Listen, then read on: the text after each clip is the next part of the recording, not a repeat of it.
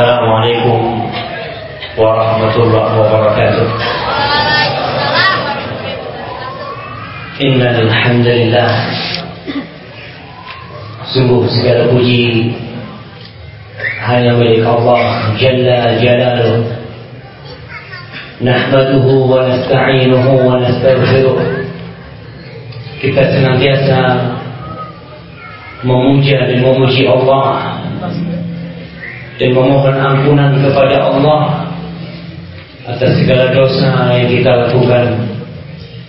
Wa na'udzu billahi min syururi anfusina wa sayyiati a'malina. Dan kita berlindung kepada Allah Subhanahu wa taala dari kejahatan jiwa kita dan dari bisikan-bisikan buruk nafsu kita. Dan kita tahu dosa itu memiliki dampak buruk yang menemani perjalanan hidup kita. Maka semoga Allah menyelamatkan kita dari dampak-dampak buruk tersebut. Mayyahdillah fala mudhillalah wa may yudlilhu fala hadiyalah. Barang siapa yang diberi petunjuk oleh Allah Barang siapa yang ditentukan untuknya hidayah di dalam dunia ini. Maka tiada satupun orang yang dapat menyesatkan dia. Siapa pun orangnya. Bagaimanapun kepandaiannya.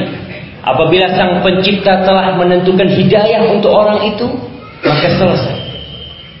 Seluruh umat manusia berkumpul untuk memalingkan orang itu dari hidayah Allah. Tidak mungkin itu dapat terjadi. Dan sebaliknya wa may yudlilhu fala hadiyalah barang siapa yang disesatkan dalam kehidupan ini karena salah berteman salah milih kajian salah menuntut ilmu maka tiada pun tiada satupun manusia yang dapat memindahkan dia dari kesesatan itu ke dalam cahaya hidayah Allah Buktinya paman Rasul Shallallahu Alaihi Wasallam. Siapa nama pamannya? Nah, paman Nabi itu ada empat. Dua masuk Islam, dua kafir.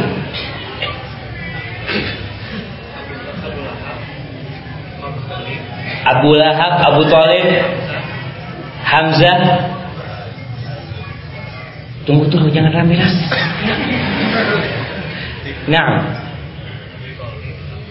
Abu Talib Hamzah Abu Lahab. Siapa lagi itu? Kasih hadiah jamaah. Kasih enggak? Masya Allah kasih kita itu kabar Sama Abbas ya. Nah Ada empat paman Rasul Shallallahu Alaihi Wasallam dua diberi hidayah oleh Allah Jalla Jalla dan dua tidak menerima hidayah itu. Hidayah Allah telah datang dengan diutusnya Nabi Muhammad alaihi salatu wassalam maka selesai hujjatullah alal ard. Tapi ternyata pamannya Abu Lahab sampai turun surat Tabbat yada Abi Lahab wa Kemudian Abu Talib yang membesarkan Nabi, yang mendidik Rasul Sallallahu Alaihi Wasallam, yang berkorban dengan segala yang dia miliki demi bagaimana kemenakannya ini bisa menyampaikan cahaya Allah Subhanahu Wa Taala. Tapi karena ada satu penyakit di hatinya yang tidak bisa dia tinggalkan, dia pun mati dalam kondisi kafir.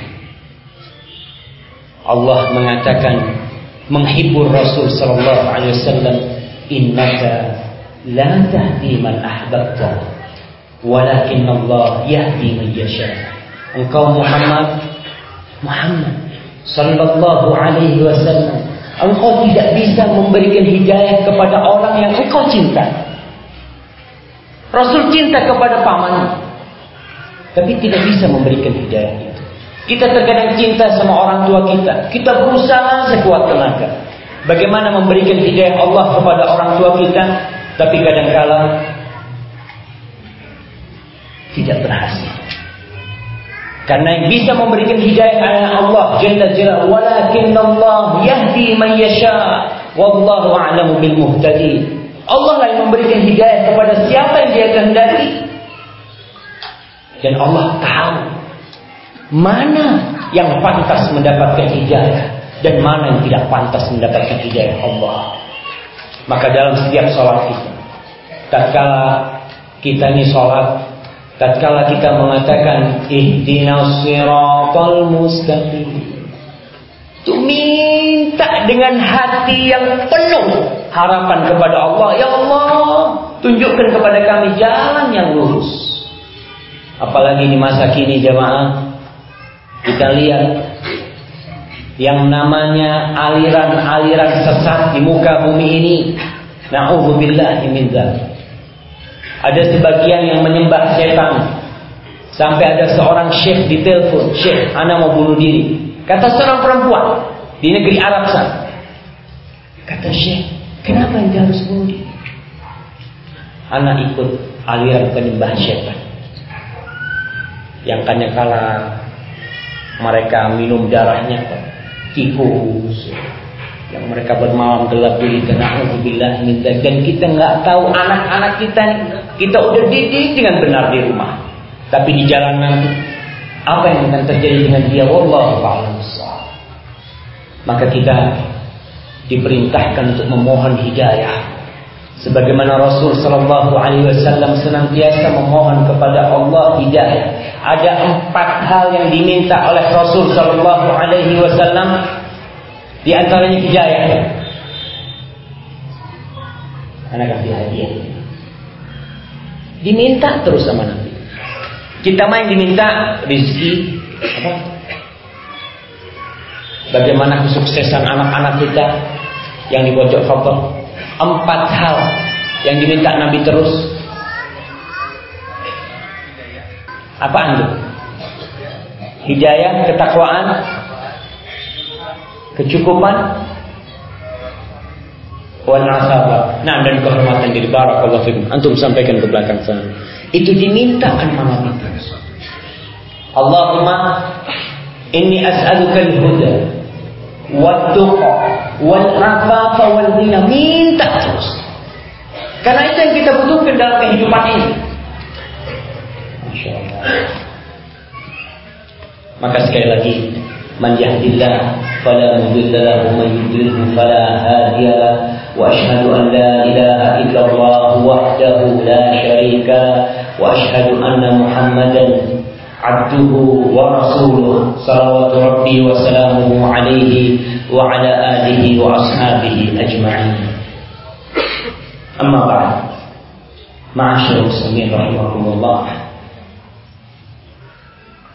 Pemirsa TV Roja di mana pun berada semoga Allah Jalla Jalaluh memberikan kepada kita kekuatan untuk dapat melaksanakan agama Allah ini untuk dapat menjalankan perintah-perintah Allah sampai kematian itu datang menyebut kita.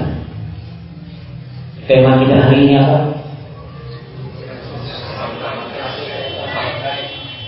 Tanggalnya tanggal berapa? Antum ingat ya. Ingat anak harapkan mungkin yang tadi belum datang, yang tadi udah datang tanggalan kita nih. Anak makanya yang jamnya hari ini tanggal 23 siapa? Anak kasih hadiah. Mana jamnya? HP mah. Tapi kalau kamu gak punya jam, gak punya jam. Nah, yang nggak boleh kami kasih jamnya dirubah tuh. Tanggal kita tanggal Hijriah sebentar lagi kita akan meninggalkan 1435 Hijriah berpindah 1436 Hijriah ingat tuh. Berarti Nabi ini udah hijrah berapa tahun? 1435 Hijriah dan kita berada di bulan haram. Bulan yang dicintai Allah Jalla Jalla kita akan masuk ke bulan haram juga.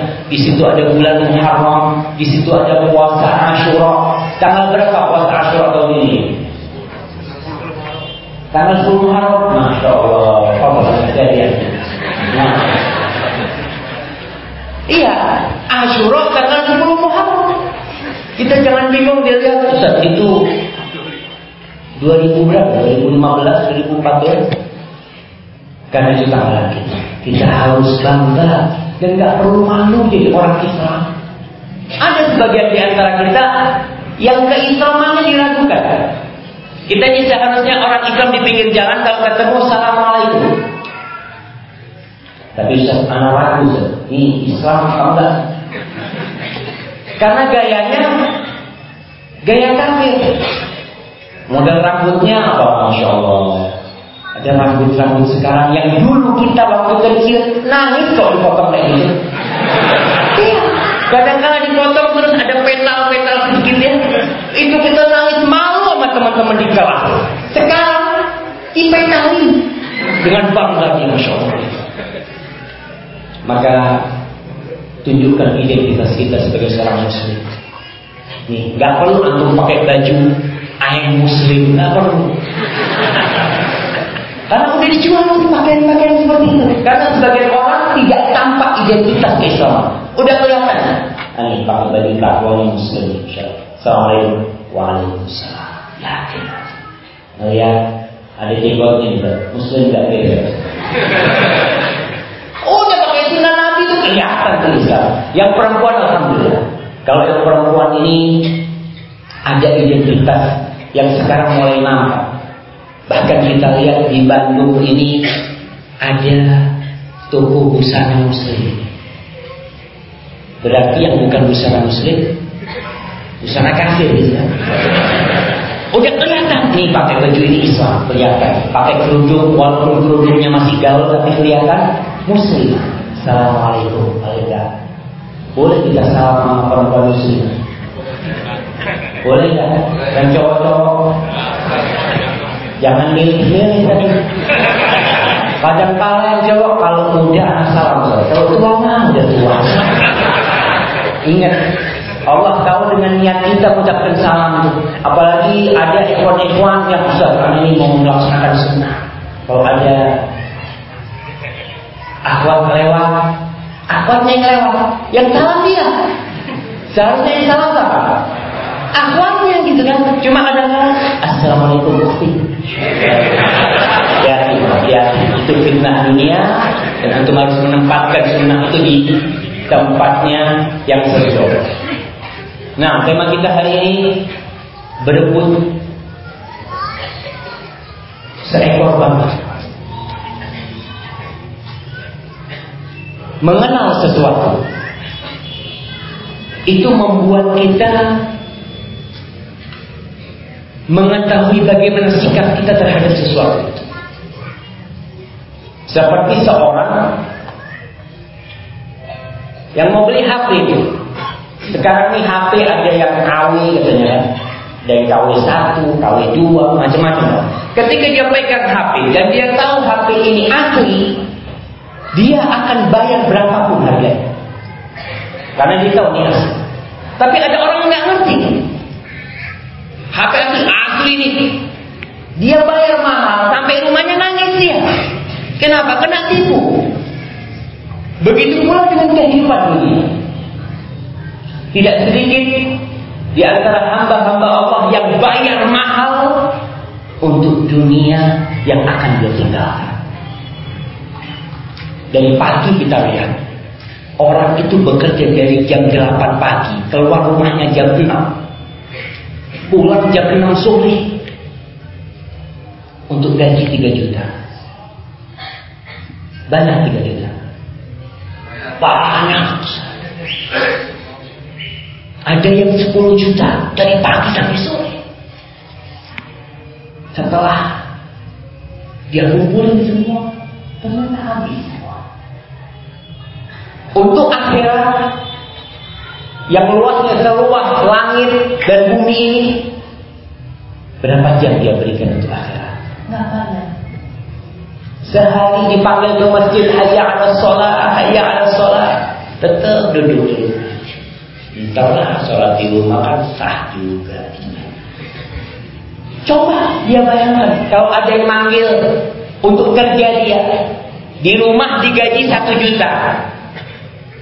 Terus ke depan 500 meter dari rumahnya dia digaji 27 juta. Yakin merangkak dia untuk 27 juta. Merangkak.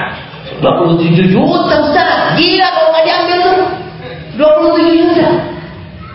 Tapi untuk akhirat kita Sampai nggak pernah memikirkan 27 itu derajat yang Allah berikan untuk sholat di masjid. Kadang-kadang kita mikir, kita cukup dengan yang satu. Menyukupkan diri dengan yang sedikit itu. Itu karena kita tidak tahu dengan hakikat dunia. Maka sebelum kita berbicara tentang bangkai yang diperbutkan oleh kita, kita harus paham bagaimana hakikat dunia itu. Hakikat yang pertama, dunia ini hanya permainan. Kalau bahasanya anak muda sekarang game permainan. Berdasarkan firman Allah Subhanahu wa taala. Game itu akan selesai. Antum ketika main game akan ada ujungnya. Main bola lah. Mau berapa lama untuk main bola? Enggak lama. Dua kali 45 menit. Perpanjangan sedikit perpanjangan. 30 menit diperpanjang lagi tapi akan berakhir. Dan antum harus tahu bahwa kita berada di dunia ini dan dunia ini permainan. Allah Subhanahu wa taala berfirman, "I'lamu annama al-hayatud dunya la'ibun wa lahwun wa zinatun wa tafakhurun bainakum wa takathurun fil amwali wal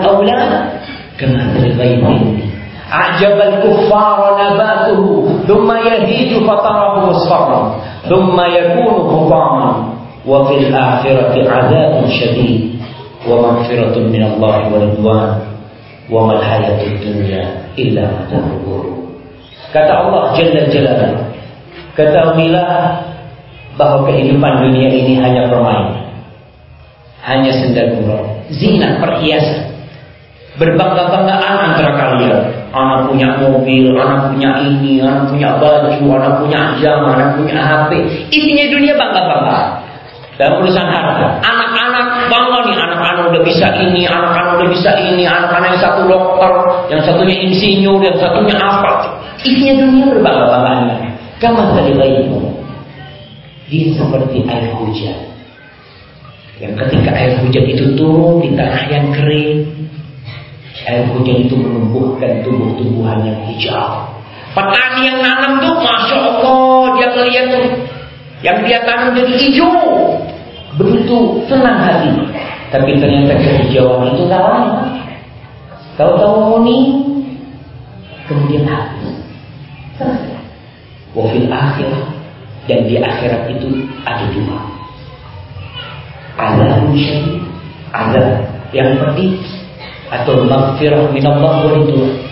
Ada ampunan dari Allah dan keridhaan Allah Subhanahu wa taala tidaklah kehidupan dunia itu illa mata'ul Terus kenapa? Kalau kita tahu kehidupan ini hanya permainan, kok sampai ada yang bunuh-bunuhan? Berebut dunia sampai membunuh saudaranya. Hasan Al-Basri rahimahullah taala mengatakan, "Ma ajibtu min syai'in ka'ajabi min rajulin la yahsabu hubbad dunya min al-kabair." Aku ini sangat takjub kepada seseorang yang dia tidak menganggap cinta dunia dosa besar. Hasan Basri berpendapat cinta kepada dunia itu termasuk dosa besar. Hubudun. Waimullah. Kata dia, demi Allah. Inna hubbaha min akbaril kabar. Cinta dunia itu termasuk dosa yang paling besar. Kenapa? Wahal abul kabair kita lihat dosa-dosa besar yang banyak di dunia ini. Asalnya dari mana? Dari cinta kepada dunia. Antum melihat pembunuhan yang terjadi. Perampokan yang terjadi. Pemerkosaan, korupsi. Apa aja peperangan yang terjadi. Asalnya dari mana? Cinta dunia. Dosa-dosa besar yang kita lihat, kemaksiatan-kemaksiatan yang kita lihat, itu dikarenakan cinta kepada dunia. Padahal dunia permainan. Kenapa Allah harus seperti itu terhadap dunia ini? Serius banget tuh sama dunia. Hakikat kedua tentang dunia, dunia ini nggak lama dan akan berakhir. Berapa lama gitu? Tatkala kita mati, kita bakal dibangkitkan. Kita bakal diarahkan kepada masyarakat. Ada orang-orang yang masuk surga dan ada orang-orang yang masuk neraka. Allah menceritakan tentang orang-orang itu. Wa yawma yah wa yawma yahsyuruhum ka'an lam yalbathu illa sa'atan Orang-orang ketika dikumpulin di padang mahsyar itu mereka berpikir kehidupan dunia berapa lama itu di dunia? Kata dia ya beberapa waktu dari siang hari. Nggak sampai sehari. Ya ta'arufuna baik. Kenal-kenalan tahu-tahu apa? Yang ini mati, yang itu tabrakan, yang ini sakit, yang ini menghilang, selesai. Dan Allah Subhanahu wa taala menceritakan tentang orang-orang yang selesai dari dunia ini. Dan kalau kita pun akan melihat itu. Tapi Allah menginformasikan kepada kita sekarang. Sebelum kita ke akhirat sudah dikasih tahu apa yang bakal diucapkan oleh orang-orang yang sudah meninggalkan dunia. Ka'annahum yawma yarawnaha lam yalbahu illa 'ashiyatan aw Kehidupan mereka di dunia itu tidak lain seperti waktu duha atau waktu sore Selesai. Kita lihat orang-orang tua kita yang dia umurnya sudah tua-tua, tapi buat dia sebentar kehidupan ini. Ma'asyar muslimin rahimakumullah. Rasul sallallahu alaihi wasallam mengatakan a'maru ummati baina 60 wa 70. Umur umatku antara berapa? 60 70. Wa qalilun man yajuzu sedikit yang lewat 70. Ana mau kasih hadiah yang lewat 70 yang ada di sini. Nah, Antum 73 Umurnya Masya Allah Nah, jadi ada Alhamdulillah Bapak berapa umurnya Pak? 73 Alhamdulillah Kirim ke dia Ya, dibandingin yang lainnya, ada lagi yang lebih 70. Mana nih? Supaya kita tahu. Nanti ngomong wa qalilun man Sedikit yang lewat 70. Ternyata cuma satu. Tapi mudah-mudahan diberkahi Bapak kita yang umurnya 70 karena kata Nabi khairun nasi man tala umruhu wa hasuna amaluhu. Sebaik-baiknya manusia adalah yang panjang umurnya dan banyak amalan. Sebagaimana seburuk-buruknya manusia adalah yang panjang umurnya dan buruk amalan. Kata Nabi, kehidupan dunia enggak lama. Bahkan Rasulullah SAW tuh ketika beliau lagi tidur di rumahnya Umar datang Nabi tidur sampai berbekas tikar di punggungnya. Karena tidurnya nggak pakai Jadi di punggung itu biasanya dulu kan pakai kayak ihram gitu ya. Kalau lepas ya udah punggungnya ada garis-garis tikar. Kalau kita kasurnya bekas kita. Yang membekas di kasur kita itu tubuh kita. Kita nggak ada bekasnya karena kan kenikmatan yang kita rasakan. Nabi ketika tidur seperti itu, Umar bin Khattab melihat dan dia menangis Umar. Ya Rasulullah, tuh orang-orang kafir tuh. Kaisar Romawi, Kisronya, Persia tidur bergelimang harta mereka nikmat sedangkan engkau seperti ini. Apa kata Rasulullah SAW?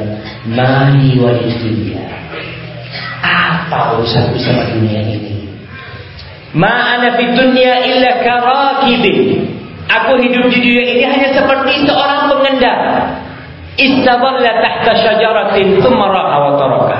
Di panas yang terik berhenti sejenak di bawah pohon untuk berteduh, setelah itu meninggalkan. Dan itu hakikat dunia. Nah, kita sudah sering ngantarkan orang mati. Kita nganterin. Ya ada yang umur 40 udah mati, apalagi sekarang banyak orang-orang mati muda. Dan kita tahu kita pun nggak akan lama seperti mereka. Hakikat yang ketiga, dunia ini berputar, tidak berhenti di satu kondisi. Maksudnya apa? Antum mungkin hari ini di atas, besok bisa di bawah. Nggak ada di muka bumi ini yang kesenangannya itu terus senang sampai mati nggak ada. Kita lihat orang yang tertawa di pagi hari, sore harinya nangis. Yang mungkin seminggu dia senang, minggu depannya dia udah bersedih. Dan itu kehidupan dunia. Kebahagiaannya, kegembiraannya bercampur dengan kesedihan. Yang cantik apa terus cantik? Ibu-ibu, ibu-ibu tuh Umur 20 Masya Allah Masih bening Umur 60 Wah Tuh lihat udah mulai keriput-keriput Udah beli krim Krim waktu duha Kalau tidak keriput Kan krim sekarang macam-macam Ada krim malam, krim siang Krim waktu tahajud mungkin Krim waktu duha Apa pakai krim Ya kepingin tuh keriputnya hilang Nggak bisa Ya udah seperti itu dunia. Yang ganteng Masya Allah. Antum kalau berkaca ya, kalau sudah keluar putih-putih di jenggotnya kelihatan ya Allah. Ya udah gini. Kita ini kayak gitu dirinya. Gak ada yang berhenti di satu sisi. Yang ketawa terus kesian. Untuk melihat ada orang ketawa terus, ah ini kayaknya nggak waras. Karena ketawa terus, dunia ini nggak boleh ketawa terus. Harus ada nangisnya dia. Dan nangis terus pun nggak boleh. Suatu saat dia harus bersedih karena ini kehidupan dunia. Maka yang muda akan jadi tua. Yang kecil, untuk melihat anak-anak kecil, anak-anak antum yang kemarin umur 10 tahun, tahu-tahu udah 20 tahun. Yang awalnya gagah, tahu-tahu udah 40, udah putih-putih, bapak nah, subhanallah. Lebih awet muda bapakmu daripada kau. Karena kehidupan seperti itu. Dan kita harus meyakini hakikat. Yang keempat, dunia ini nilainya sedikit. Kecil nilai. Maka jangan dibesar-besarkan. Seperti itu yang kita contoh. Apa mau antum beli HP KW 2? 10 juta. 20 juta. 100 juta antum bayar. Nggak benar itu. Orang nggak ada nilainya sesuai kau beri dengan nilainya. Apa yang perlu kau berikan di dunia? Berikan. Rasul Shallallahu Alaihi Wasallam dalam hadis riwayat Imam Muslim, marra bisu dakhilan min ba'dil adil. Nabi itu masuk ke pasar di kota Madinah, berangkat dari salah satu tempat yang tinggi, ada namanya Awali di Madinah itu. Rasul masuk ke pasar, dan orang-orang lagi sibuk di sana, ya namanya pasar lah. Orang lagi kumpul di sana jualan. Famarra bijadin asak kamayid. Beliau melewatin kambing kecil, cacat telinganya kecil, mati, bangkai di jalan. Ada satu kelebihan bangkai di tanah Arab itu nggak bau,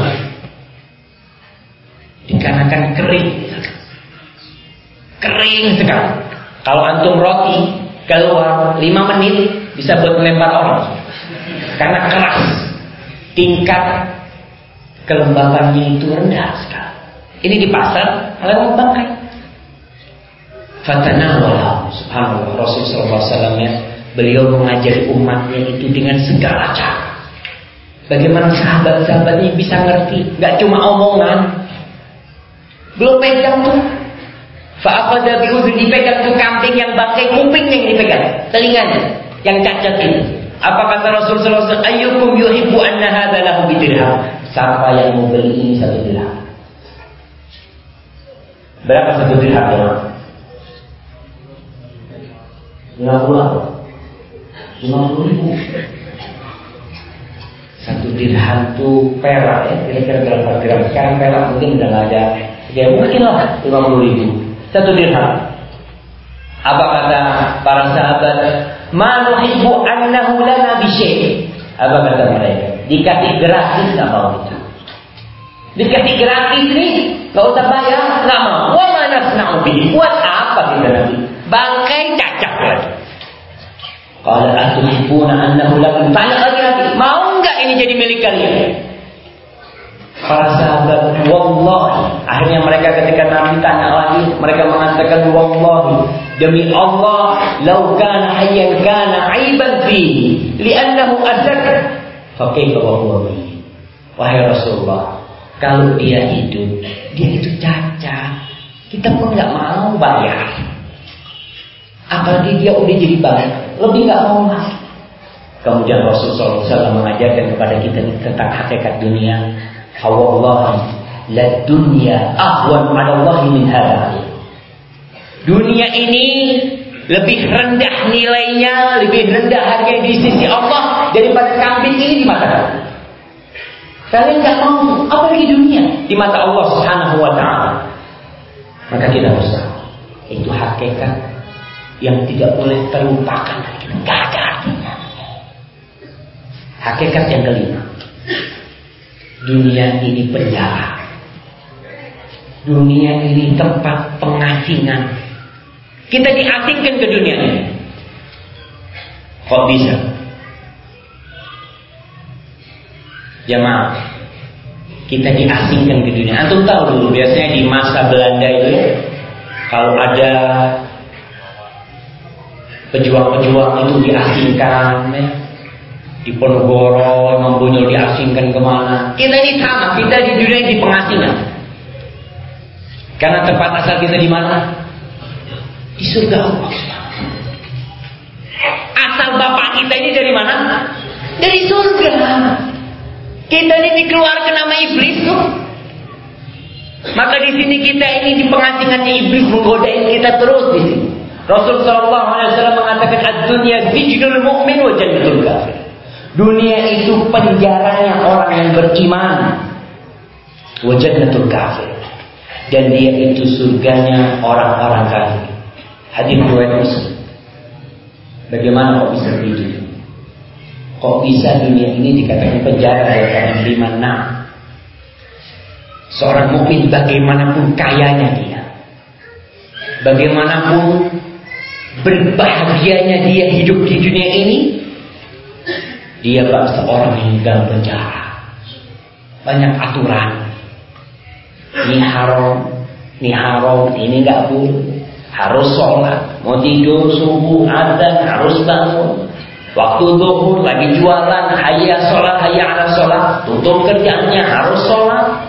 Ya udah banyak aturan bagi seorang mukmin di muka bumi ini.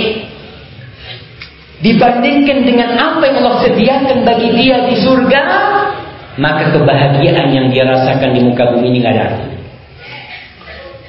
Sebaliknya orang kafir, bagaimanapun susahnya dia di muka bumi, dibandingkan dengan adab Allah. Kita jangan melihat orang kafir yang kaya, yang susah. Dibandingkan dengan azab Allah yang ada di neraka, Ia seperti berada di surga. Allah Subhanahu wa taala berfirman, "Wa nada ashabun nari ashabal jannah." Orang-orang yang berada di neraka itu memanggil orang-orang yang berada di dalam surga. An afidu alaina minal ma au mimma razaqakumullah. Mereka minta tolong kita dikasih ini air, minta air. Atau apalah yang kalian miliki yang dikasih sama Allah. Apa kata Allah Subhanahu mereka mengatakan orang-orang di surga, qalu innallaha harramahu 'alal kafirin. Allah mengharamkan keduanya buat orang-orang kafir. Air pun diharamkan buat mereka. Maka dibandingkan dengan di akhirat orang-orang kafir di sini seperti berada di surga. Itu Tadi yang sampaikan bahwasanya kita ini di pengasingannya iblis. Allah berfirman kepada Nabi Adam alaihissalam, "Uskun anta wa zawjukal jannah." Uskun anta wa zawjukal jannah. Ya Adam, masuklah engkau, tinggallah engkau bersama istrimu di dalam surga. Wa kula minha haitsu syi'tuma ragadan. Ragadan haitsu syi'tuma. Kalian makan yang di surga terserah yang kalian mau wala taqrabu hadhihi syajarah. Jangan dekat sama satu pohon. Satu pohon, yang lainnya boleh. Jadi pada hakikatnya yang haram itu sedikit. Yang haram itu sedikit. Yang halal itu banyak. Tapi orang nih biasanya yang haram itu disuka. Kullu mamnu'in marhu. Semua yang dilarang itu pasti disuka. Karena di situ ada hikmah Allah. Kalau dilarang orang nggak suka, ada yang mau dilarang. Orang-orang nggak suka, nggak dilarang pun nggak ada yang mau makan. Tapi karena orang dikasih kecintaan kepada yang dilarang-larang ini, maka itulah pujian mereka. Antum coba pulang ke rumahnya, ngomong tuh sama istrinya. Lemari semua deh, kau boleh buka semua lemari di rumah. Cuma nih laciku jangan dibuka ya. Masya Allah. Tuh dua hari nggak bisa tidur gitu. Ada apa tuh di lacinya bapak? Padahal yang lainnya boleh. Cuma satu yang nggak boleh. Tapi manusia seperti itu. Sesuatu yang dilarang mesti dia suka. Dan terjadi apa yang terjadi dengan Adam alaihissalam di dalam surga. Itu larangan yang akhirnya kita pun fa'azzallahum syaitan anhu fa'akhrajahum mimma kana fi. Wa qulna itu ba'dukum li ba'din adu. Sudah kita akhirnya Adam alaihissalam diturunkan ke muka bumi ini. Dan di sini kita menjadi saling bermusuhan dengan dengan iblis dan anak buahnya. Fakhruddin berkata dari Fatah al-Mausim dalam tafsir Ibnu Dia berkata, "Kunna qauman min ahli jannah." Kita dulu nih penghuni surga. Fasabana iblis ila dunia. Kemudian kita ini ditawan oleh iblis di dalam dunia. Falaysa lana illa al-ham wal huzn. Selama di dunia yang ada adalah kesedihan, kebingungan, kegalauan hatta nuradda ila dar allati ukhrijna minha sampai kita kembali ke rumah kita. Sampai kita kembali ke tempat asal kita baru kita akan tenang kehidupan. Itu dunia. Hakikat yang keenam tentang dunia.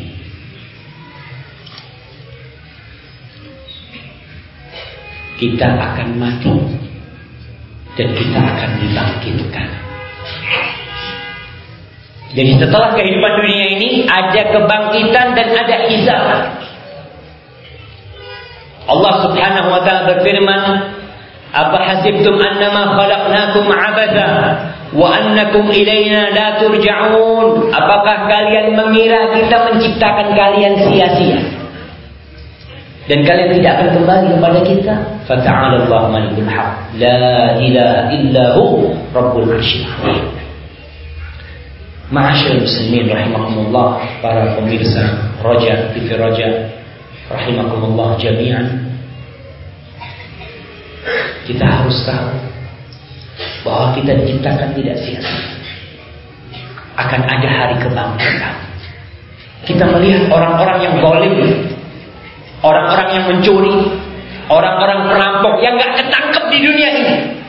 Pembunuh-pembunuh yang kita melihat dia merajalela di muka bumi ini, hampir tiap hari kita melihat pembunuhan. Apa kiranya mereka tidak akan menghadapi pengadilan? Akan ada. Akan ada hari kebangkitan. Kalau setelah mati selesai,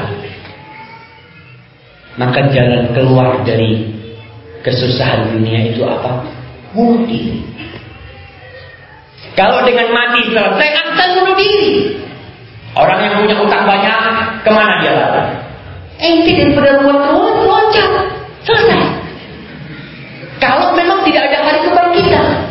Tapi di situ ada hisab dan ada azab Allah Subhanahu wa taala. Orang ketika mikir bunuh diri selesai tidak. Ada malaikat mungkar nakir. Ada azab kubur dan kalau ada azab akhirat buat dia.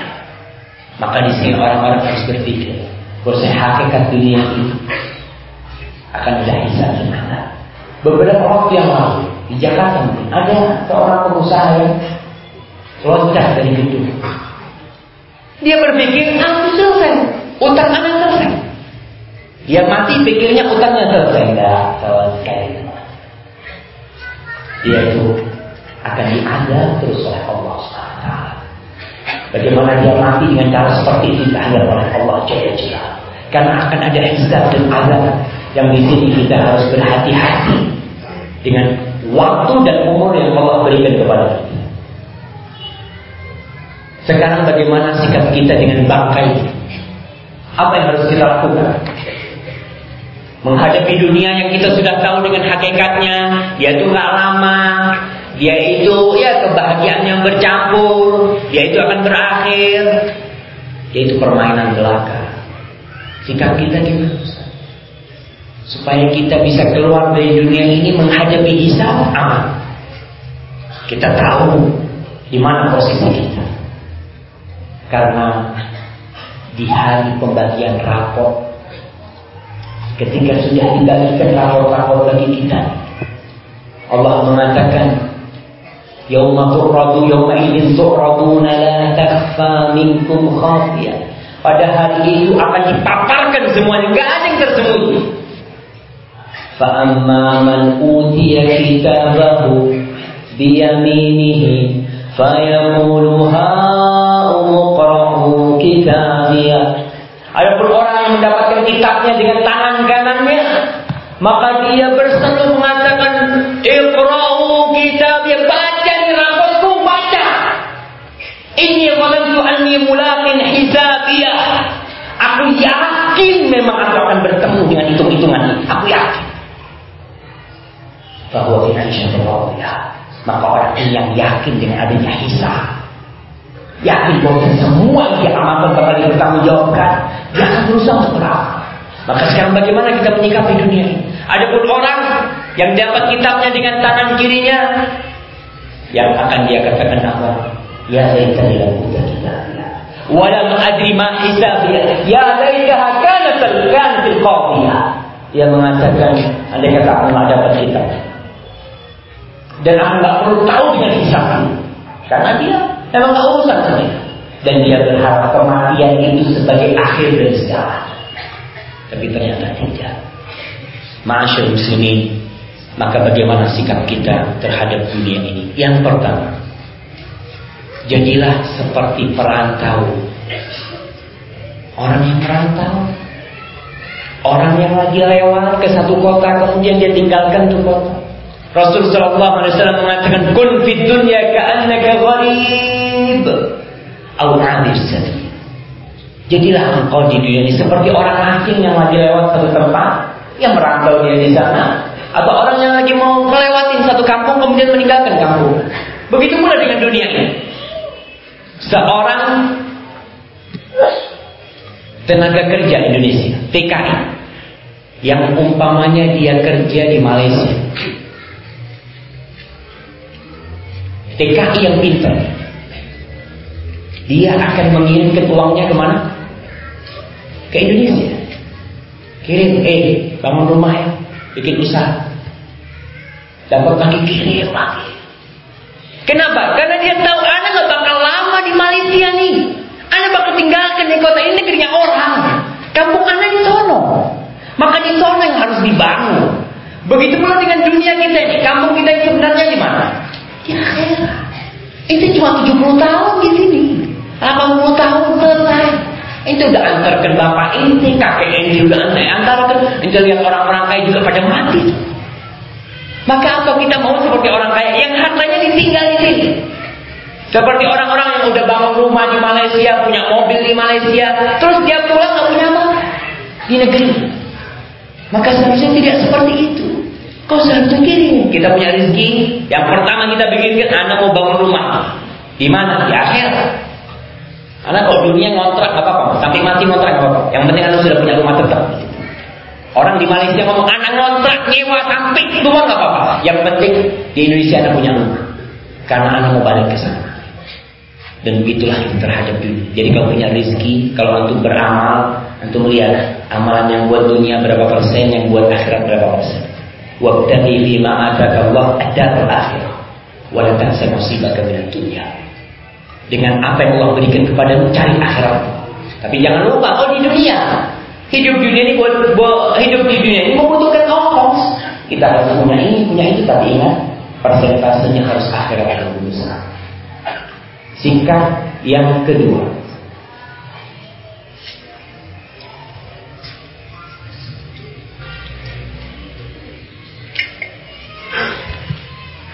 Jangan rebutan. Jangan apa? Jangan rebutan. Udah tahu nih gak ada harganya. Tuh sahabat dikasih gratis dengan yang mau. Itu rebutan. Jangan. Kata Rasul Sallallahu Alaihi Wasallam dalam hadis riwayat Imam. Ketika beliau tuh dapat harta kiriman dari Bahrain. Itu zakat dari Bahrain, hasil dari tanah-tanah di Bahrain itu ke kota Madinah. Para sahabat waktu itu masih hidup susah, miskin. Pas subuh-subuh itu rame itu sahabat. Jadi ngomong, ah, kalian nih kayaknya dengar ada harta yang datang tuh. Iya Rasul kata mereka. Para sahabat juga manusia. Maka Rasulullah SAW mengatakan kepada mereka, "Fawallahi man faqr alaikum." Demi Allah, aku nggak takut kalian yang ditimpa kefakiran. Aku nggak takut kalian ditimpa kefakiran. Walakin akhsha alaikum an tubsat alaikum dunya. Kama busitat ala alladhina min qablikum fatanafasuha kama tanafasuha fa ahlakatkum kama ahlakatkum. Yang aku takutkan malah dunia ketika dibuka pintunya lebar-lebar buat kalian. Dilebarin itu. Kemudian kalian berlomba-lomba rebutan. Kalau sudah rebutan yang ada saling hasad, saling iri. Kita lihat nih orang-orang yang buka warung nih. Atau di Bandung. Biasanya itu saling hasad, saling iri. Bahkan mereka menggunakan cara-cara yang tidak syar'i, berangkat ke dukun sampai dikatakan tuh restoran semua pakai dukun. Katanya gitu. Mereka berlomba-lomba untuk dunia yang seperti ini. Sehingga segala cara ditempuh itu yang Nabi takut.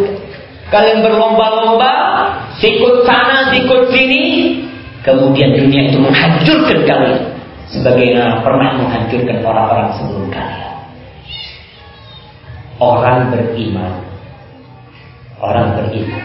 Kalau miskin, masya Allah, dia itu akan dekat sama Allah.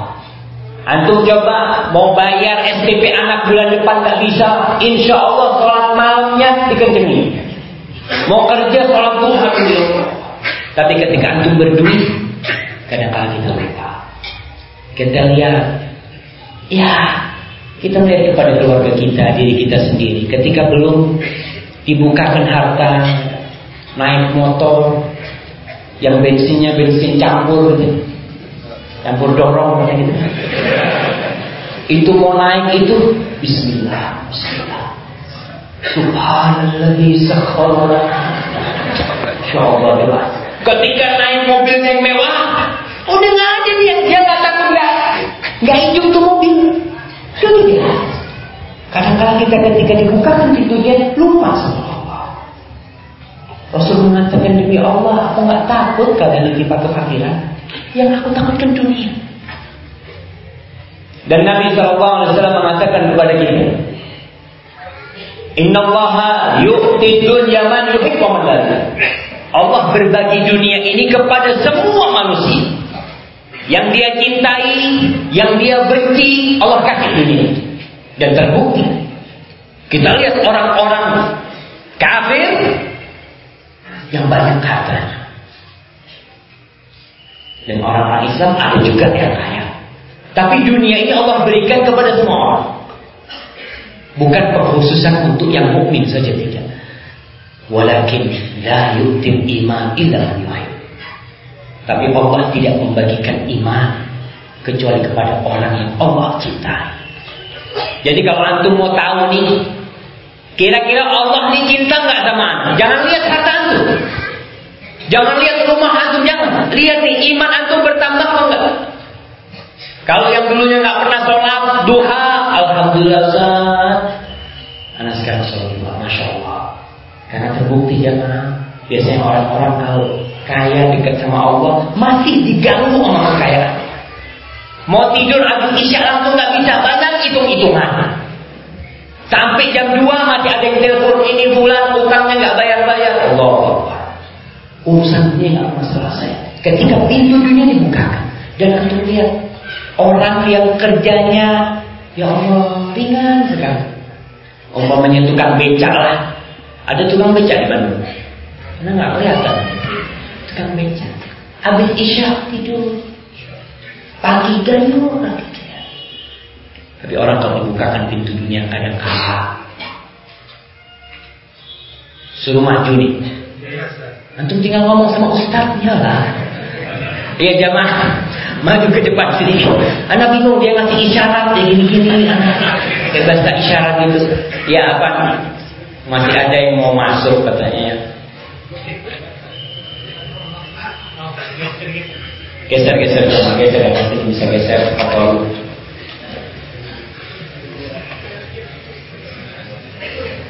Baik, sikap yang yang keberapa? Yang ketiga, jangan jadikan dunia ambisi.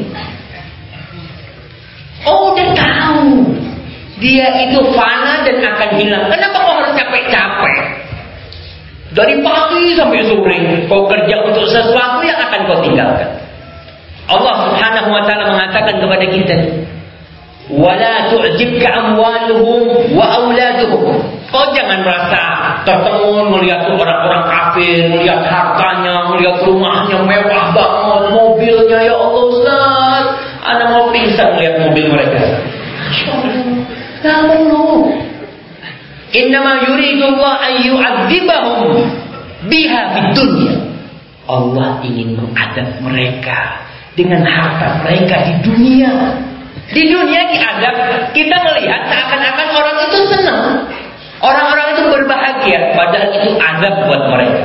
Wa tazhaqa anfusuhum wa hum dan mereka mati dalam kondisi kafir. Jadi azab yang dimaksud dalam ayat ini adalah kemudahan, adalah keresahan, kebingungan. Karena orang yang menjadikan dunia ambisinya, dia akan bingung selalu dalam kehidupannya. Dia tidak akan pernah merasa cukup. Antum lihat, ada nggak tukang becak ikut asuransi? Ada nggak? Gimana sih? Nggak. Yang ikut asuransi siapa? Orang yang miliaran duitnya ikut asuransi. Kok bisa di tukang becak tenang? Sakit bismillah, dikompres, sembuh alhamdulillah. Tapi itu orang-orang berduit diadab dengan dunianya. Mobilnya dia punya mobil 10, semuanya diasuransikan. Takut dia perasaannya gimana nanti kalau keserempet terus anak pas nggak punya duit. Padahal duitnya banget. Anaknya gimana kalau nanti anak mati anaknya sekolah gimana? Terus nggak ada nggak bisa melanjutkan sekolah. Ketakutan itu semua dia rasakan. Rasulullah SAW menjelaskan kepada kita tentang jangan dijadikan dunia itu ambisi supaya kau hidup berbahagia menghadapi dunia ini. Kata Nabi alaihi salatu wassalam, "Man kana fil akhiratu hamma, ja'alallahu binahu fi qalbi." Barang siapa yang menjadikan akhirat itu sebagai ambisi dia, tujuan dia, punya rezeki, alhamdulillah, anak itu akhirat. Dapat gaji, masjid ya masjid, anak nyumbang buat masjid, buat rumah anak di akhirat ya Allah. Anak yatim dia satu ya Allah, anak akhirat. Dia tujuannya akhirat, bukan berarti dia miskin, jamaah tidak. Mungkin orang ini perusahaannya puluh, tapi akhirat yang jadi ambisi dia. Anak harus kaya Ustaz. Soalnya ini dakwah ini butuh biaya. Kalau anak nggak membiayai dakwah ini gimana? Dia punya usaha bukan untuk dunia. Karena untuk dunia, terus terang untuk dunia ini cukuplah kita satu rumah, cukuplah dua mobil. Tapi kalau untuk akhirat kita nggak cukup. Ribuan mobil kita sedekahkan di jalan Allah itu habis. Kita punya uang satu triliun satu hal. Kalau buat akhirat kita itu habis. Tapi ada orang yang memang tujuannya akhir. Dia kumpulin duit banyak tapi untuk akhirat dia. Apa yang akan Allah berikan kepada dia? Ja'alallah binahu fi qalbi. Allah akan jadikan kekayaan dia di hatinya tentrem hidupnya. Wa jama'alahu syamla. Urusannya ringan semua. Mau sholat malam bisa. Mau ada ribut macam-macam. Mau sholat duha alhamdulillah. Karena kita bayangin Orang-orang yang tujuannya akhirat itu bisa tiap bulan berangkat umroh. Ada orang yang lebih kaya dari dia tapi mati nggak berangkat haji. Kenapa? Kenapa? Karena nih tujuan dia bukan akhirat. Wa atat dunya wa ramai. Dunia akan datang ngikutin dia. Dengan dipaksa sama Allah dunia itu akan datang karena semua udah ditulis. Kenapa kau harus capek-capek? Al-Imam Syafi'i sampai mengatakan rahimahullahu taala kalau kata Imam Syafi'i da'i ayyam taf'al ma tasha wa tub nafsan idha hakam al nanti itu anak lupa tuh kata Syafi'i. Nanti kalau datang anak sampaikan ini kata Nabi yang tujuannya itu akhirat tenang hidupnya. Urusannya dikumpulin yang ruwet-ruwet ruwet. Ini bahasa Indonesia dia ruwet yang udah subhanallah jamaah ya. Benar-benar Allah itu memudahkan. Kemarin saya sempat ketemu di Jember sama Ustaz Dia cerita habis dari sholat Jumat itu lagi ngobrol-ngobrol, dia cerita tentang kebesaran Allah. Dia ngomong, anak ini sedang ngurus sertifikat. Kakaknya udah meninggal, sertifikat sebuah tanah. Sudah 12 tahun sertifikatnya hilang di kantor, ada lagi. Kantor apa? Ah itulah namanya tahu. Untuk urusan tadi hilang 12 tahun, tiap bulan ngurusin hilang. Sampai akhirnya terakhir dia sudah berkas baru semuanya udah ya mulai ngajukan baru lagi nih. Setelah 12 tahun, subhanallah. Kita berangkat, kita lihat wajah orang-orang berbeda di sana. Kata dia subhanallah ada apa nih? Hanya ketemu sama pengurusnya, orangnya baru perempuan, bu, saya mau ngurus sekarang ibu ibu fulana yang udah meninggal. Oh iya, duduk dulu sebentar. Diambil ini Dua belas tahun hilang, ada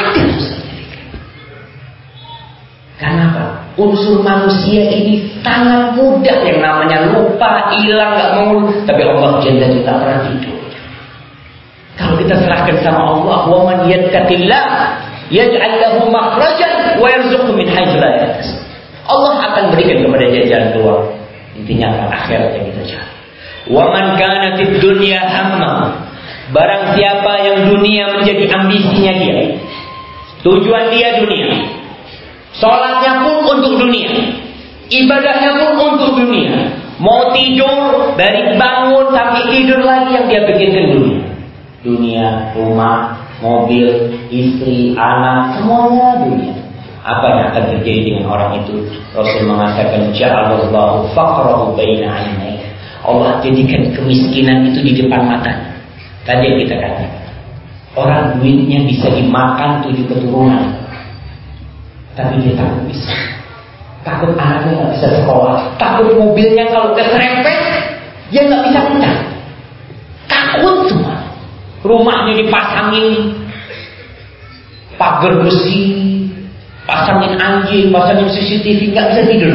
Gimana tuh kalau nanti penjaganya ditangkap sama rampok, kalau anjingnya dibunuh, gimana? Alarmnya dimati, terus ketakutan itu dia rasakan. Kalau tujuannya itu dunia, semua tujuannya dunia. Wafarraqa alaihi syamla. Urusannya gak pernah selesai. Ada aja urusan buat dia. Gak bisa dia tenang hidupnya. Karena urusannya terus berdatangan. Walam ya'tihi minat dunya illa ma dan tidak akan datang dari dunia kecuali yang sudah ditakdirkan buat dia. Kita ini udah ditulis sama Allah. Sebelum kita lahir ke dunia udah ditulis catatan rezeki kita dan perkataan Imam Syafi'i ini datang alhamdulillah.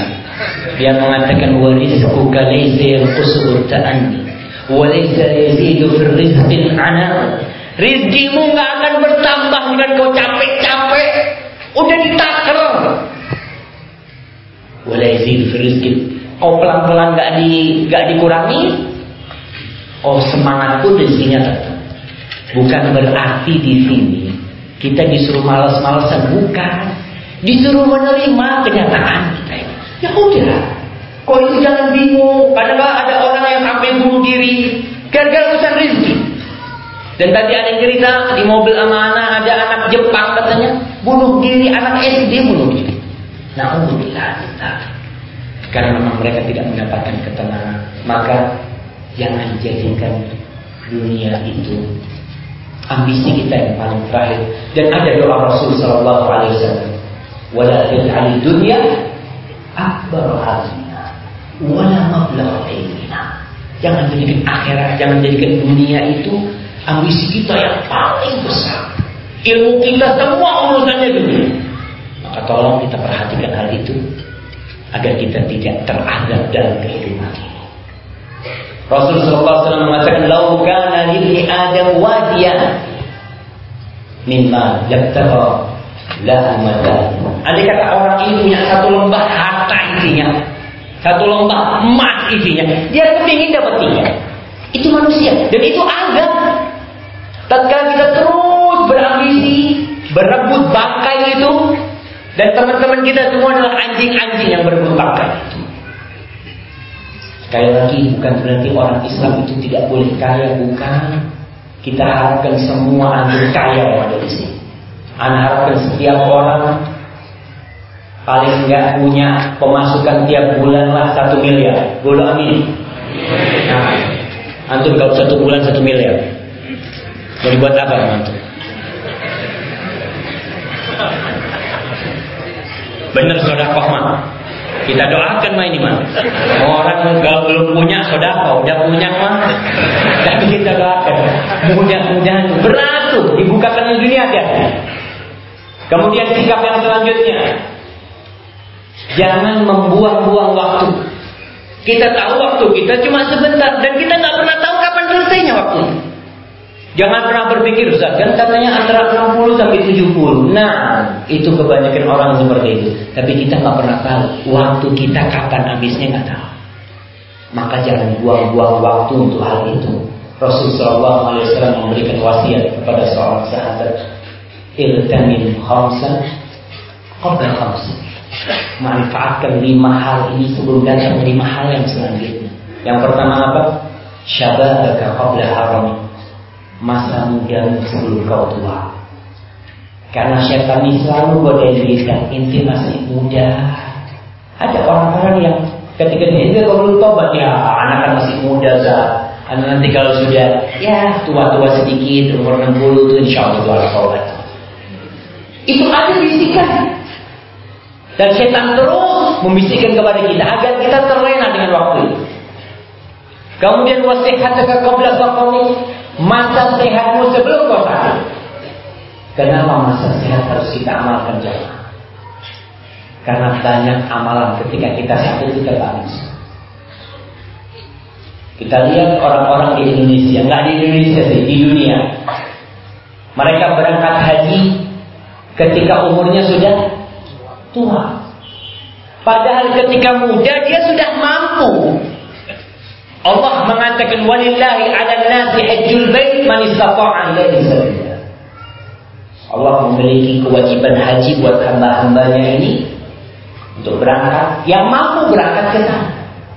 Udah, ketika muda sehat nggak berangkat. Ketika tua nggak berangkat. Biasanya ibadahnya sudah nggak sempurna. Dia akan kalah, ilmunya udah nggak ada juga. Selama di Mekah, yang seharusnya dia dapat sholat tuh seratus ribu nggak pernah ke masjid karena udah tua. Apalagi jaraknya jauh. Mungkin ketika tawaf ifadah tawaf kudum udah selesai. Dan kita melihat jarang sekali yang muda yang berangkat. Yang muda kalau ditanya itu kenapa nggak berangkat anak-anak masih kecil-kecil subhanallah Mumpung anaknya masih kecil dan kau masih sehat, berangkat. Karena kau tidak pernah tahu. Nanti jangan-jangan udah sakit, udah sakit, udah anak mau berangkat haji, selesai. Nggak bisa. Sekarang tahun ini daftar haji, kapan kita berangkat? 10 tahun. 10 tahun. Di beberapa kota itu 15 tahun. Berapa? 15 tahun katanya. Maka jangan nunggu waktu tua.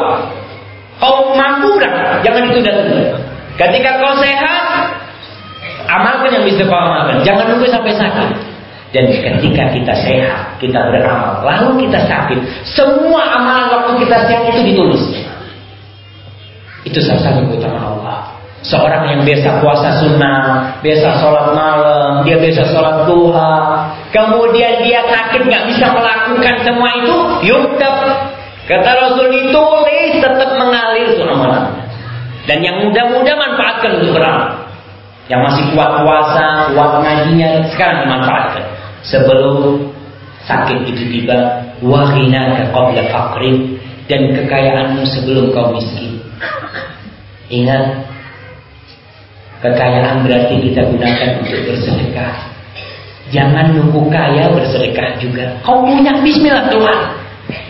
Karena kita nggak tahu apa kekayaan ini terus akan datang sama kita. Yang tadi dikatakan, anak kalau punya uang satu miliar Ustaz, insya Allah tiap bulan anak mau sedekah 100 juta. Jangan 100 juta. Satu juta sholat istighfar. Karena itu dunia, Allah. Kekayaanmu terus kau miskin. Dan kita belajar sedekah mulai miskin. Jangan mulai kaya. Karena kalau kita miskin pelit, kaya tambah pelit. Kita ini kalau punya 10 ribu, kalau punya uang 10 ribu, mau sedekah 5 ribu gampang. Tapi antum punya uang 100 juta, mau sedekah 50 juta, mikir. Padahal sama-sama 50 persen. Sama-sama, engkau 110 ribu, 50 persennya 5 ribu. 100 juta, 50 persennya berapa? 50 juta. Mikir tuh. Dulu waktu kau miskin kau keluarin 5 ribu kok nggak ada masalah, nggak beban sama sekali. Malah dicari mana-mana tuh kotak amal gini. Tapi udah banyak duitnya nggak dicari kotak amal. Maka ingat kekayaanmu sebelum kau miskin. Tapi kita belajar beramal dari miskin. Jangan buka. Udah apa yang dimiliki bagi sampai para sahabat Nabi radhiyallahu taala Allah mensifati mereka itu wa yu'thiruna ala anfusihim walau kana bihim dan mereka lebih mengutamakan orang lain daripada diri mereka padahal mereka butuh. Kalau orang nggak butuh wajar. Antum punya uang banyak bagi-bagi wajar. Sahabat itu bukan. Mereka itu butuh. Jangan mereka takut. Tapi mereka bagi. Mereka kasihkan kepada yang lebih. Kita pun seharusnya seperti itu. Kemudian wa faraghaka qabla syughli. Masa kosongmu sebelum kau sibuk. Kita punya waktu kosong. Dan alhamdulillah saya lihat nih ada pekerja-pekerja yang waktu kosongnya banyak sekali. Ada pekerja-pekerja yang kerjanya cuma berdiri. Kayak udah satpam, tukang parkir atau pekerjaan di depan komputer yang sekedar pencet tombol dia tuh manfaatkan. Allahumma sholli ala Muhammad Allahumma sholli ala Muhammad Allahumma sholli dia berdiri sallallahu alaihi wasallam dia manfaatkan waktu kosong kita. Ketika kita udah nggak kosong udah nggak bisa beramal. Ya Allah anak kepingin sholat duha. Ini ketika ada waktu nggak? Ya. Sekarang udah sibuk. Maka sebelum datang kesibukan itu Orang yang mau ngaji umpamanya subhanallah. Ada orang jamaah yang kaya raya datang kajian seperti ini nggak bisa. Nggak bisa. Karena buat dia waktu adalah duit fulus. Anda dapat apa datang kajian gitu tuh? Itu dapat ilmu ya, dapat ilmu mah udah anak lebih tahu tentang ilmu itu. Ada karena seperti itu. Waktu kosongnya itu dihitung duit, kita jangan. Waktu kosong kita adalah surga atau neraka kita dan tidak ada kesedihan orang-orang nanti di akhirat itu kecuali kesedihan mereka terhadap waktu-waktu luang yang tidak mereka isi. Kita punya waktu luang banyak manfaat. Kemudian yang kelima dan itu yang terakhir, wahayataka qabla mauti, kehidupanmu sebelum kau mati. Hadis ini diriwayatkan oleh Imam Ahmad dan disahihkan oleh Syekh Al-Albani rahimahullah taala. Sikap yang Keberapa? Kelima, jangan meremehkan dosa. Jangan meremehkan dosa. Banyak di antara kita setelah punya ilmu, udah ngaji nih, kan udah tahu dosa besar, dosa kecil. Masya Allah, ini dosa besar. Anak enggak? Dosa besar. Anak udah tahu. Dosa kecil diamali. Kenapa dia? Kan dosa kecil. Yang besar harus tinggal. Hati-hati. Kita lihat Nabi Adam alaihissalam. Allah subhanahu wa taala berfirman ketika memasukkan Adam ke surga. Wa qulna ya Adam uskun anta wa zawjuka jannah. Adam, tinggallah engkau bersama istrimu surga. Wa kula minha ragadan haitsu syi'tum. Makanlah dari semua yang ada di surga itu apa yang kau inginkan. Wa la taqrabu hadhihi syajarah fatakuna minadh dhalimin. Dan jangan engkau mendekati pohon ini. Kemudian engkau akan menjadi orang-orang yang zalim. Fa'azallahum asy-syaitan anha. Setan mengeluarkan Adam dari surga. Fa'akhrajahuma mimma kana fi. Dikeluarkan dari nikmat-nikmat yang banyak. Wa qulna bitu ba'dukum li ba'din adu. Kemudian kita Adam diperintahkan untuk turun ke muka bumi. Yang jadi masalah. Berapa dosa yang Adam lakukan sehingga dia dikeluarkan dari api neraka. Satu. Antum bisa bayangkan, hanya satu dosa mengeluarkan dia dari surga dengan segala ketaatan dia satu dosa keluar dari surga. Apa kita mau masuk surga dengan puluhan dosa yang kita bawa? Mana mungkin? Maka Al-Imam Ibnu Katsir menyebutkan dalam tafsir Ibnu Katsirnya. Qala Fakhruddin i'lam. Fakhruddin mengatakan ketahuilah fi hadhihi ayat ya ayat Al-Baqarah yang tadi dibacakan itu tahdidan aziman an kulli. Ada ancaman yang besar untuk semua kemaksiatan. Ada ancaman yang sangat besar untuk semua kemaksiatan. Yang pertama, untuk melihat kata yang terjadi dengan Adam. Satu kesalahan yang kecil, sekedar makan pohon, makan buah. Karena ala wajrin syadid minal ma'asi. Dia itu melihat bagaimana Adam dikeluarkan karena satu dosa itu. Seharusnya dia takut dengan dosa-dosa dia. Kalau antum buka lembaran-lembaran kita nih buka lembaran-lembaran dosa kita, maka kita akan berpikir, kira-kira masuk surga enggak kita? Pantas enggak aku ini masuk surga? Kira-kira aku selamat dari api neraka? Sedangkan Adam dengan satu dosa keluar dari api neraka, dari surga Allah Subhanahu wa taala. Maka coba kita berpikir tentang hal itu sehingga kita lebih takut kepada Allah Subhanahu wa taala. Ma'asyiral muslimin, yang terakhir sikap kita terhadap dunia ini kita harus banyak-banyak berdoa kepada Allah Subhanahu wa taala. Memohon kepada Allah agar menyelamatkan kita dari fitnah dunia ini. Dan kita dianjurkan untuk membaca kita syahud akhir apa doa?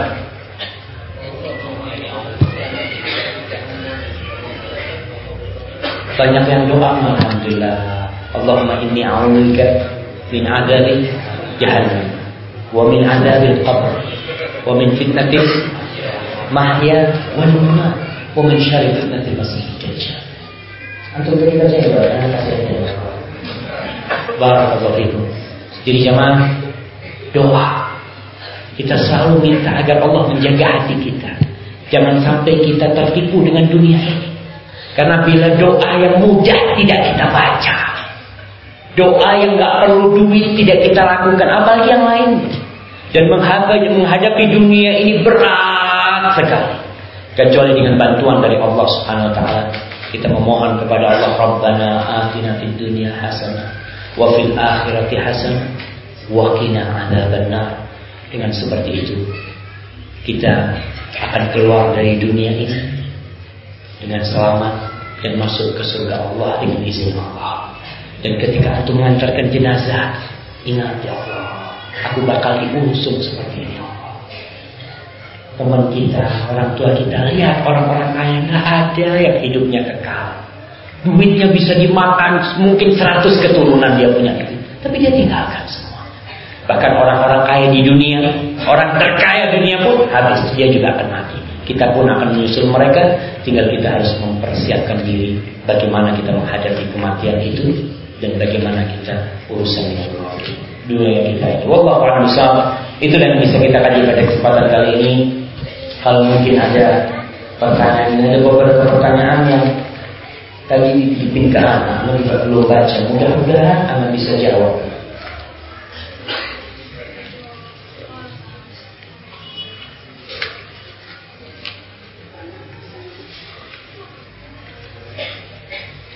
Nah, Assalamualaikum Ustaz. Bagaimana nasihati orang yang tidak beriman Allah Ta'ala di atas arsh? Yang pertama Banyak saudara-saudara kita itu yang gak belajar. Dan ilmu yang dia dapat di kampungnya Di musolanya ya itu aja. Maka kalau kita melihat ada orang yang tidak beriman dengan Allah di atas arshnya kita bacakan firman-firman Allah. Ar-Rahman al-Arsyistawa. Allah itu maha pengasih yang berada di atas arsy. Amalan itu diangkat kepada Allah. Nabi mau berjumpa Allah pakai Isra Mi'raj beliau ke sana. Sebagai pertanda kita kalau mau berdoa, angkat tangan. Kita angkat tangan. Karena kita tahu Allah di atas sana. Maka mau gimana lagi? Fitrah kita semua manusia nggak bisa dipungkiri. Kalau dia memohon, apa yang dia katakan? Anak tergantung yang di atas. Apa kata yang di atas? Anak serahkan sama yang di atas. Karena kita tahu Allah berada di atas sana. Berdasarkan firman-firman Allah SWT. Ini ada pertanyaan Ustaz bagaimana pengalaman belajar langsung hadir langsung di kajian Al Ustaz Yazid Jawas dan Ustaz Abdul Hakim Abdad Hafizahullah karena anak belum pernah hadir langsung dan belajar kapan yang Ustaz Yazid ke Bandung Nah, ini panitia. Antum kalau belajar sama ustaz-ustaz yang besar, majelis ilmunya itu malaikat-malaikat turun di sana, ketenangan tiba, orang-orang yang berilmu seperti mereka semoga Allah menjaga mereka berdua ya. Beda untuk belajar sama anak sama mereka berdua bobot ilmunya ulama-ulama seperti mereka itu nikmat tak? Apalagi mereka yang memulai dakwah sunnah Mereka yang mengajarkan orang-orang Mereka yang pernah diusir orang-orang Ketika menegakkan sunnah ini. Dan kita doakan mereka Dan palingnya Cepat-cepat didatangkan satu-satu Ustaz Anak ingin dapat hadiah buku istiqomah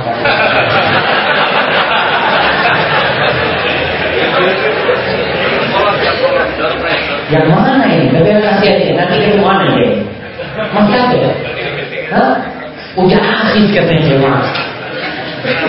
Nah, udah. Masya Allah dia dapat. Masya Allah barakallahu fikum jazakallahu khair Ana belum baca pertanyaan dia, tapi Allah kalau mau ngasih dia, Allah kirim ke kantor barakallahu fikum Itulah menggadir jemaah. Takdir Allah itu indah sekali tatkala kita beriman kepada Allah Subhanahu wa taala. Barakallahu Ini ada pertanyaan selanjutnya. Ustaz, saya punya pertanyaan yang mengajar di benak saya. Mudah-mudahan mengapa Allah Subhanahu wa taala menakdirkan orang-orang yang baik dan soleh itu selalu berjumlah sedikit di muka bumi dibandingkan orang-orang yang pintar seperti pengikut sunnah misalnya dan nanti ketika di alam barzah pun hanya sedikit yang sama. Begitu pula di akhirnya. Hingga pada akhirnya setahu saya para pengusaha itu tidak akan jauh lebih banyak ketimbang surga. Apa hikmah dari semua itu mohon penjelasan. Gimana jemaah? Nanti susah juga ya.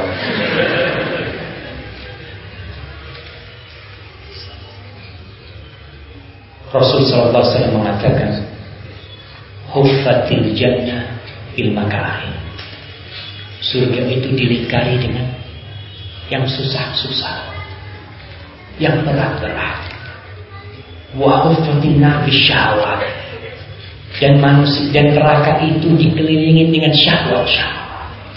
Dan akhirnya Orang itu siap bayar 20 juta untuk konser musik umpamanya. Dia bayar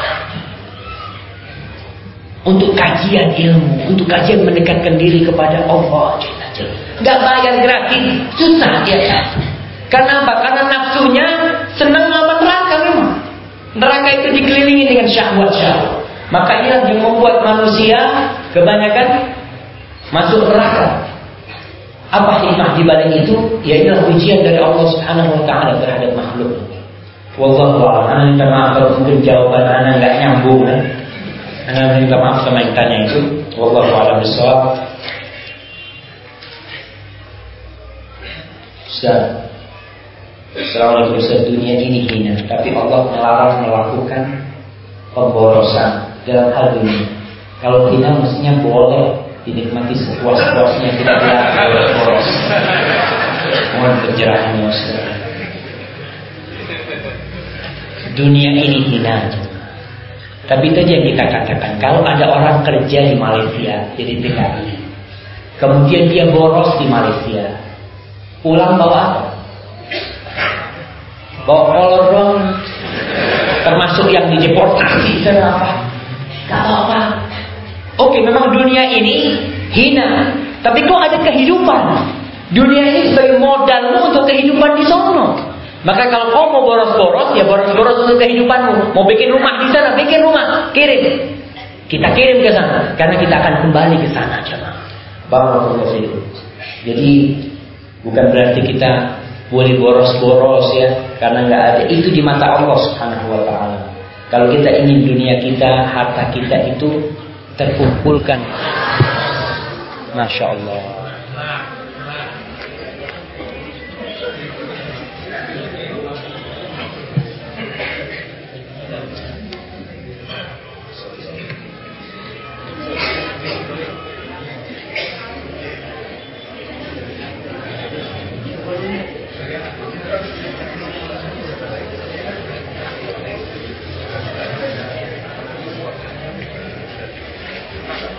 Siap.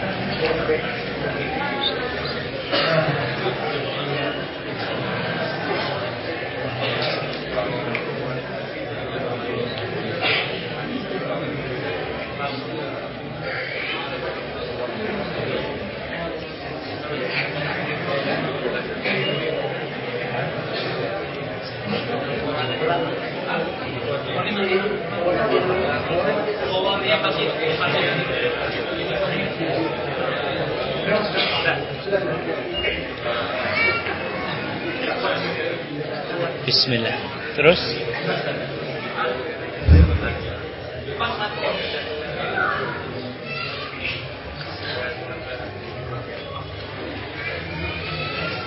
Kayaknya suruh berhenti. Iya,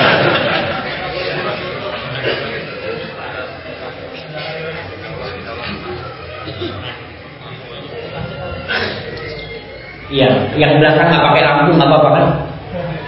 Matiin aja lampunya. Sampai mana ya tadi jemaah? Masalah boros ya, masalah boros itu maka tolonglah kita ketika bersedekah tetap kita nggak boleh boros-boros. Karena kita tahu kita punya tanggungan. Allah mensifati orang-orang yang beriman itu alladzina idza anfaqu lam yusrifu wa lam yaqturu wa kana baina dzalika qawama.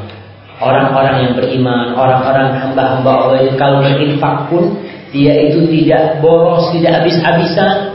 Tapi dia juga tak pelit tapi di antara keduanya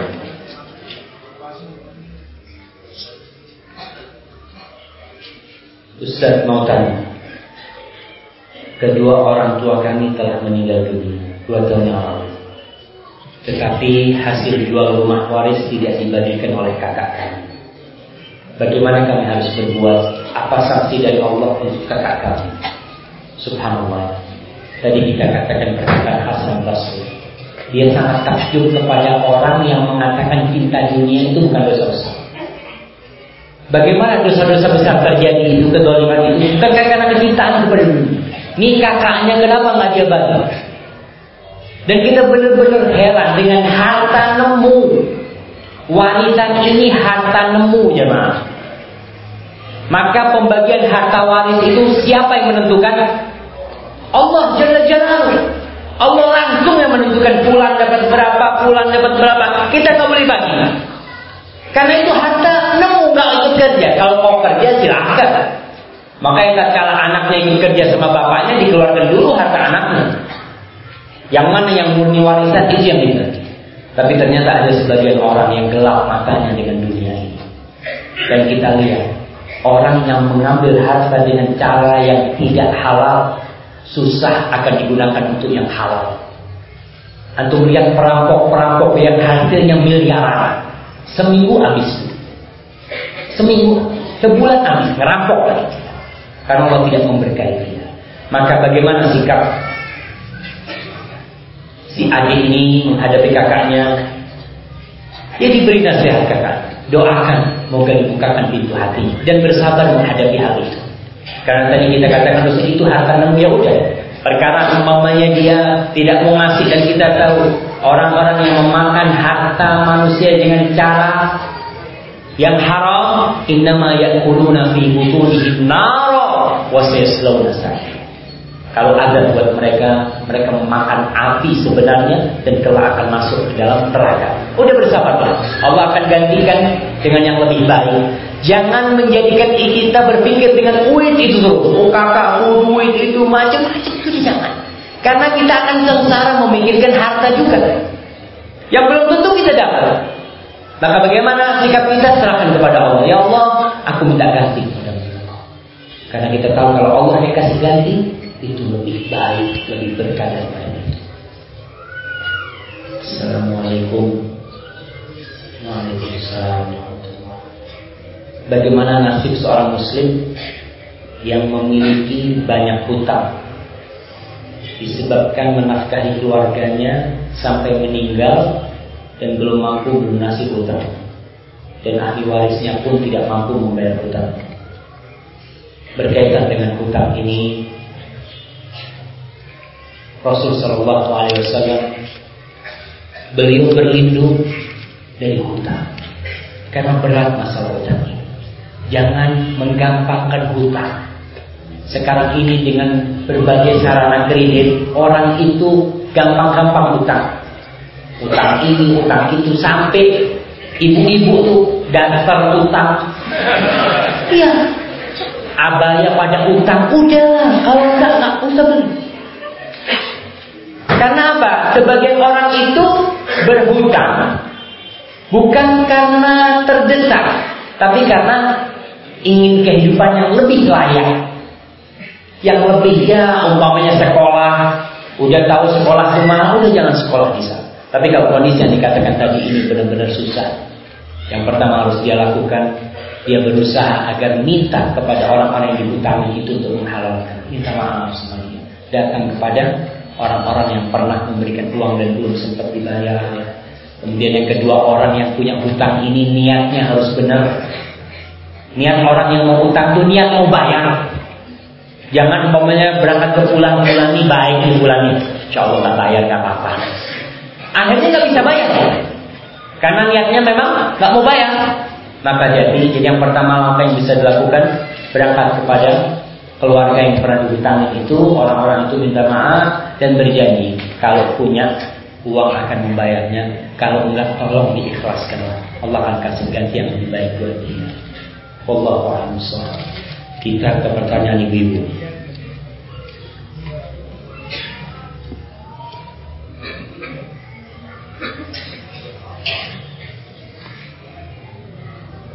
Nih, Assalamualaikum Ustaz. Ketika saya melakukan suatu amalan, misalnya sodakoh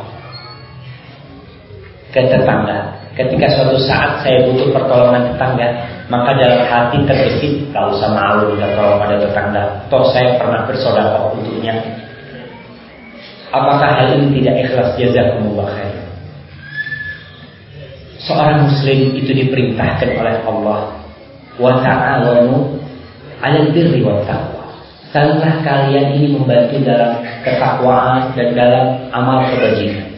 Bagaimana kalau kita menolong saudara kita, kemudian kita mengharapkan balasan dari dia, itu yang bermasalah. Kalau tadi dia sedekah sama tetangganya, dan dia mengatakan dalam hati nggak perlu malu, kau juga pernah berbuat baik sama dia. Hati-hati, jangan-jangan kita meminta balasan dari tetangga kita. Tapi kalau kita mau minta pertolongan kita memang butuh, nggak apa-apa, kita minta tolong sama dia. Tapi nggak perlu mengingat kita ini pernah berbuat baik sama dia, kita pernah ini, pernah itu nggak perlu ya udah, kita butuh berangkat. Karena bisa jadi dia nggak nolong kita. Ketika dia nggak nolong kita, kita akan sakit hati. Anak udah pernah bantu sama dia, berarti kita nggak ikhlas. Niat membantunya supaya dibalas. Sedangkan orang-orang yang masuk surga itu ucapan mereka apa? La nuridu minkum jazaan wala syukura. Kita nggak ingin dari kalian jazah balasan dan tidak pula ucapan terima kasih. Maka hatinya perlu ditata kembali. Sudah afwan kalau kita bekerja lalu kita masih mengharapkan gaji apakah kita belum ikhlas jadi kalau kerja urusan dunia mah kita memang butuh gaji. Kita mengharapkan gaji. Nggak masalah kalau urusan gaji itu bukan urusannya ikhlas gak cuma yang tadi kita sampaikan bahwasanya orang yang ikhlas ketika beramal dia itu tidak butuh dengan pengawasan. Karena kita Allah melihat anak. Anak beramal ini buat Allah subhanahu wa ta'ala. Tapi dia dapat gaji nggak ada masalah untuk urusan dunia. Itu nggak ada masalah. Tapi tetap kita harus secara sempurna pekerjaan itu kita laksanakan karena itu tugas kita perkara gaji alhamdulillah. Umar bin Khattab radhiyallahu taala anhu dia jadi amil zakat. Ketika selesai dikasih zakat. Kata Umar Rasul amil udah cukup nggak perlu nggak perlu dikasih anak. Anak kasih yang lainnya. Kata Rasul kau terima nih kau kasihin sama orang lain selesai tapi kau terima. Tapi dalam artian kita tetap berusaha untuk melaksanakan tugas kita dengan baik dan benar ketika kita bekerja dan mengharapkan ridha Allah kepada kita untuk kita.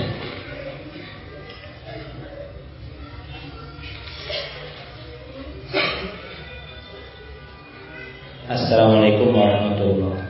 Suami anak sering tugas keluar kota. Suami sering berpesan kepada anak untuk selalu sholat tahajud. Lalu saya bilang anak udah sholat Apakah dia termasuk riak terhadap suami? Jazakumullah Jadi riak ini Tatkala kita ingin orang lain melihat kita Kemudian memuji kita. Tapi kalau tadi si suami kan ngomong sama istrinya Kau sholat. Dia kepingin tahu Kau sholat enggak? Istri ngomong anak sholat. Alhamdulillah Insya Allah termasuk riak. Kecuali dia ingin mengharapkan pujian dari suaminya dia anak sholat. Bukan lillahi ta'ala sholatnya dia. Sekedar supaya suaminya umpamanya kau kalau sholat tahajud nih aku kasih tiap bulan tambahan sejuta. Sholat tahajud. Anak sholat tambahan sejuta. Itulah hati yang seperti itu. Mohon diberi contoh kehidupan seperti apa yang persentase akhiratnya lebih besar dari dunia dan bagaimana maksud dari beramal kalian seolah mati besok dan berusaha seolah hidup selamanya. Syukur. Barakallahu Contoh seorang yang presentasi akhirnya lebih besar. Contoh ringan adalah tentang seorang petani itu. Petani itu ketika Rasul bercerita bainama rajulun fi falatin dan hadid. Sahih riwayat Bukhari dan Muslim. Itu ketika seseorang berada di lapangannya di pada pasir itu dia mendengar suara dari awan. Yang suara itu mengatakan istri hadir pada bulan. Istri hadir pada bulan. Siramilah kebunnya bulan. Tahu-tahu itu awan bergerak turun airnya di satu padang batu. Kemudian berkumpul ikut satu jalannya air. Diikuti itu air sampai ke depannya kebun seseorang seseorang itu lagi ngurus ngatur air masuk ke kebun. Ditanya sama orang ini, Mas Nur, siapa nama? Namanya ternyata nama yang disebutkan di awal. Terus dia tanya, kenapa kau tanya namaku? Ya, aku dengar suaramu, dipang namamu dipanggil di langit, di awal. Apa yang kau lakukan dengan kebun ini? Kita lihat apa yang dia lakukan. Kata dia, ya kalau kau sudah dengar itu maka nggak bisa dia sembunyikan. Padahal nggak ada orang tahu tentang apa yang dia amalkan. Tapi karena Allah memberitahu nih orang ini sehingga dia datang kepada petani, dia ngomong hasil kebunku ini aku bagi. Sepertiga aku makan. Sepertiga modal. Sepertiga buat akhiratnya. Jadi paling mudah ya kalau persentase yang lebih banyak akhiratnya seperti dia kita dapat gaji seperti itu kita keluar itu ya Allah ini sepertiga bukan milik anak. Ini buat akhirat anak. Ini celengan anak. Maka seperti itu mudah-mudahan kita bisa mendapatkan ridho Allah Subhanahu wa taala. Dan Rasul Shallallahu Alaihi Wasallam pernah di rumahnya nggak ada apa. Aisyah di rumahnya nih. Ada orang lagi minta-minta. Seorang perempuan dengan dua anak wanita, dengan dua putri. Datang Aisyah cari makanan, tidak ada kecuali tiga butir kurma. Dikasihkan sama Aisyah radhiyallahu taala kepada peminta-peminta. Masalah beramal kalian seolah mati besok dan berusaha seolah berusaha seolah hidup selama-lamanya. Nah, ini bukan hadis ini ya.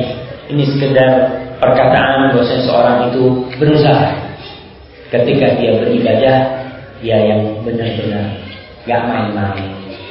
Seakan-akan dia mati besok ya sholatnya benar-benar. Ketika berusaha pun dia itu berusaha, gak males-malesan. Karena ada orang yang usahanya males. Umpamanya dia ngomong usaha, ya ada apa anak kerja berat-berat begini, cukuplah. Anak pokoknya bisa makan, bisa minum selesai. Nah, kalau kau berpikir untuk dunia, makan, minum selesai. Tapi kalau kau berpikir untuk akhirat, kau harus dapat sehari mungkin satu juta. Karena itu ada kaki miskin yang perlu kau bantu. Karena di situ ada masjid yang belum jadi-jadi. Itu ada musola di sana yang rusak. Ketika itu kita akan beramal semangat. Karena kita tahu kita harus beramal. Jadi jangan malas-malasan bekerja. Wallahu Ustaz, apakah dia bisa datang bila kita terkadang masih melakukan maksiat? Apa arti ketika hidayah? Amin. Baru Anak nggak bisa baca, mungkin dokter. Hidayah itu bisa datang tatkala wajah hidayah itu bersih, siap menerima hidayah. Kemudian sarana untuk hidayah itu kita gunakan. Telinga kita, mata kita, hati kita kita bersihin ya. Masalah dosa siapa sih yang tidak berbuat dosa? Tapi kita terus mempersiapkan hati kita untuk menerima hidayah itu. Dengan kita berdoa, berusaha, datang kajian, minta. Karena ada orang-orang memberikan kita, eh, ente dengan ada nggak masjid? Anak belum dapat hidayah. Subhanallah, dengan ada yang masjid jawabannya belum dapat hidayah. Oke, ente mau hidayah, ayo berangkat itu. Ente mau hidayah berangkat. Maka tolong dipersiapkan hati kita, kemudian mata dan telinga kita sebagai sarana-sarana untuk menerima hidayah itu juga dibersihkan semoga hidayah Allah tidak Wallahu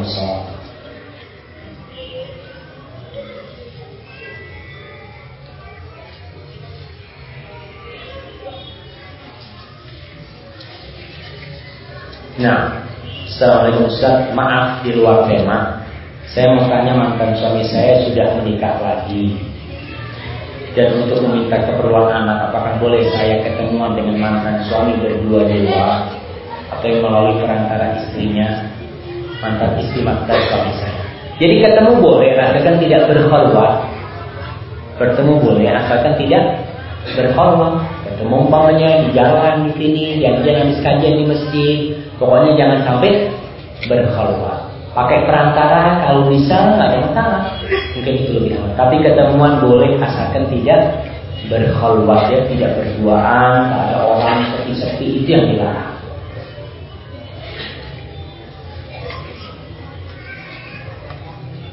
Dan hidup itu kadang di atas, kadang di bawah. Begitu juga keimanan itu kadang di atas, kadang di bawah. Bagaimana kiat-kiatnya bisa iman itu terus stabil Masya Allah Susah stabil Tapi Bagaimana kita mengangkat keimanan itu Dan ketika turun jangan turun Bagaimana caranya? Yang pertama kita ngaji. Kemudian kita mengenal Allah Dengan asma Allah al-husna. Cari teman-teman yang baik. Jadi kalau kita ini lagi butuh dia imannya lagi kendor, ketemu teman yang baik, yuk ikut anak ini. Aduh, anak malah ikut. Udah ini di belakang anak ini motor. Ikut. Ketika kita punya teman yang baik, insya Allah keimanan kita ini nggak sampai drop. Tapi kalau kita ketika butuh jauh dari orang-orang soleh bahaya. Bisa-bisa iman kita tertutup dan maka itu mungkin dengan membaca Al-Quran, zikir, ya. itu termasuk amalan yang mudah yang bisa menyetabilkan keimanan kita naik. Kalau untuk turun naik lagi zikir, zikrullah. Naik motor zikir, duduk-duduk zikir, subhanallah. Pokoknya lisannya ini jangan berhenti. Itu amalan mudah tapi terkadang kita lupa. Kadang-kala dia bengong aja. Sejam bengong. Tapi itu memang gak dibuka. Anda lihat ada orang-orang yang punya banyak waktu luang. Seperti seorang security. Masya Allah security. Pekerjaannya diam aja. Umpamanya tentara yang jaga di mana? Di pos itu diam. Apa nggak boleh gerak-gerak mulutnya dia? Subhanallah, subhanallah. Padahal dia bisa. Subhanallah, subhanallah. Itu nikmat dapat pahala banyak ketika dia punya waktu yang luang seperti itu. Dalam hati, diam dong nih. Dia nggak mikir. Diam dong. Dia mikir, ucapkan di lidah itu. Memang kita zikir itu harus dengan lidah. Ada sebagian salah itu. Ketika dia ada orang banyak, zikirnya itu bukan dalam hati, dengan lidahnya tapi tidak sampai keluar. Lidahnya ini bergerak-gerak dari dalam jemaah. Antum coba praktekkan sendiri. Gimana? Dia ingin menyembunyikan amalnya supaya nggak kelihatan orang. Tapi kalau kita zikir sendiri, zikirlah sampai kedengaran telinga kita. Karena telinga kita ini termasuk sarana untuk menuju ke hati kita. Ketika subhanallah, subhanallah, hati masuk ke hati. Daripada diem doang, nggak sampai ke sini, itu kurang pas. Jadi memang kita disuruh zikir itu tidak keras-keras dan tidak sampai nggak ada suaranya, masih terdengar oleh kita tanpa mengganggu yang lainnya. Wallahu a'lam ini yang terakhir kita jamaah. Jam berapa? Udah mau ada ini. Bismillahirrahmanirrahim. Bagaimana cara menembak menyelaraskan antara keinginan kita, cita-cita ambisi agar tidak berseberangan melalaikan dari syariat dan akhirat. Wow. Nah, ini pertanyaan yang bagus sekali ya. Kita hidup di dunia kita butuh sarana di dunia ini, kita ingin punya rumah, kita ingin punya mobil, kita ingin punya banyak hal. Tapi bagaimana kita menyimbangkan hal itu? Ya dengan kita ngaji. Dengan kita mempelajari hakikat dunia ini. Baca Al-Quran Karim. Ketika antum baca Quran pas sampai firman Allah, ya ayyuhalladzina amanu berhenti tuh, cari terjemahannya. Cari terjemahannya nih, anak lagi dipanggil sama Allah. Karena ada di antara kita yang baca Quran lewat ya ayyuhalladzina amanu lewat aja dia. Padahal dia lagi dipanggil. Paling enggak dia tahu cari terjemahan, enggak tahu telepon siapa, anak enggak punya terjemahan. Nih di surat ini kok kayaknya anak termasuk yang dipanggil. Anak kepingin tahu ada apa tuh di sini. Panggilan Allah pasti di baliknya itu ada kebaikan yang besar atau ada bahaya yang besar. Ya ayyuhalladzina amanu qu anfusakum wa ahlikum naro wahai orang-orang yang beriman jagalah diri kalian dan keluarga kalian dari api neraka ada lagi ya ayyuhalladzina amanu la tulhikum amwalukum wala auladukum an dzikrillah wahai orang-orang yang beriman janganlah harta kalian kemudian la amwalukum anak-anak kalian membuat kalian lalai dari ingat kepada Allah pokoknya kayak lewat ya ayyuhalladzina amanu ingat terus sehingga kita semakin dekat kita semakin yakin dengan dunia ini. Kalau dunia ini gak ada arti. Karena dunia ini menggoda, teman. Menggoda sekali dan kebanyakan di antara kita tergoda dan baru sadar mau mati, udah selesai. Ternyata selama ini dia tertipu dengan dunia. Wallahu a'lam bishawab. Kayaknya udah cukup ya, Belum. Nanti kita lanjutkan lagi mudah-mudahan lain waktu bisa jumpa sama antum lagi dan anak harapkan kajian di Bandung nanti bisa datangkan ustaz-ustaz kita Ustaz Yazid, Abdul Hakim Abdul sehingga bisa memberikan tausiah kepada kita, memberikan petuah kepada kita, menyegarkan keimanan kita lagi pada antum-antum yang ada di sini. Wallahu a'lam bishawab. Kurang lebihnya hanya mohon maaf. Apabila yang anda sampaikan benar itu dari Allah Subhanahu wa taala, kalau ada yang salah dan kurang berkenan itu dari diri anak sendiri. Allah dan Rasulnya terbebaskan dari kesalahan itu. Wassalamualaikum warahmatullahi wabarakatuh. Assalamualaikum warahmatullahi wabarakatuh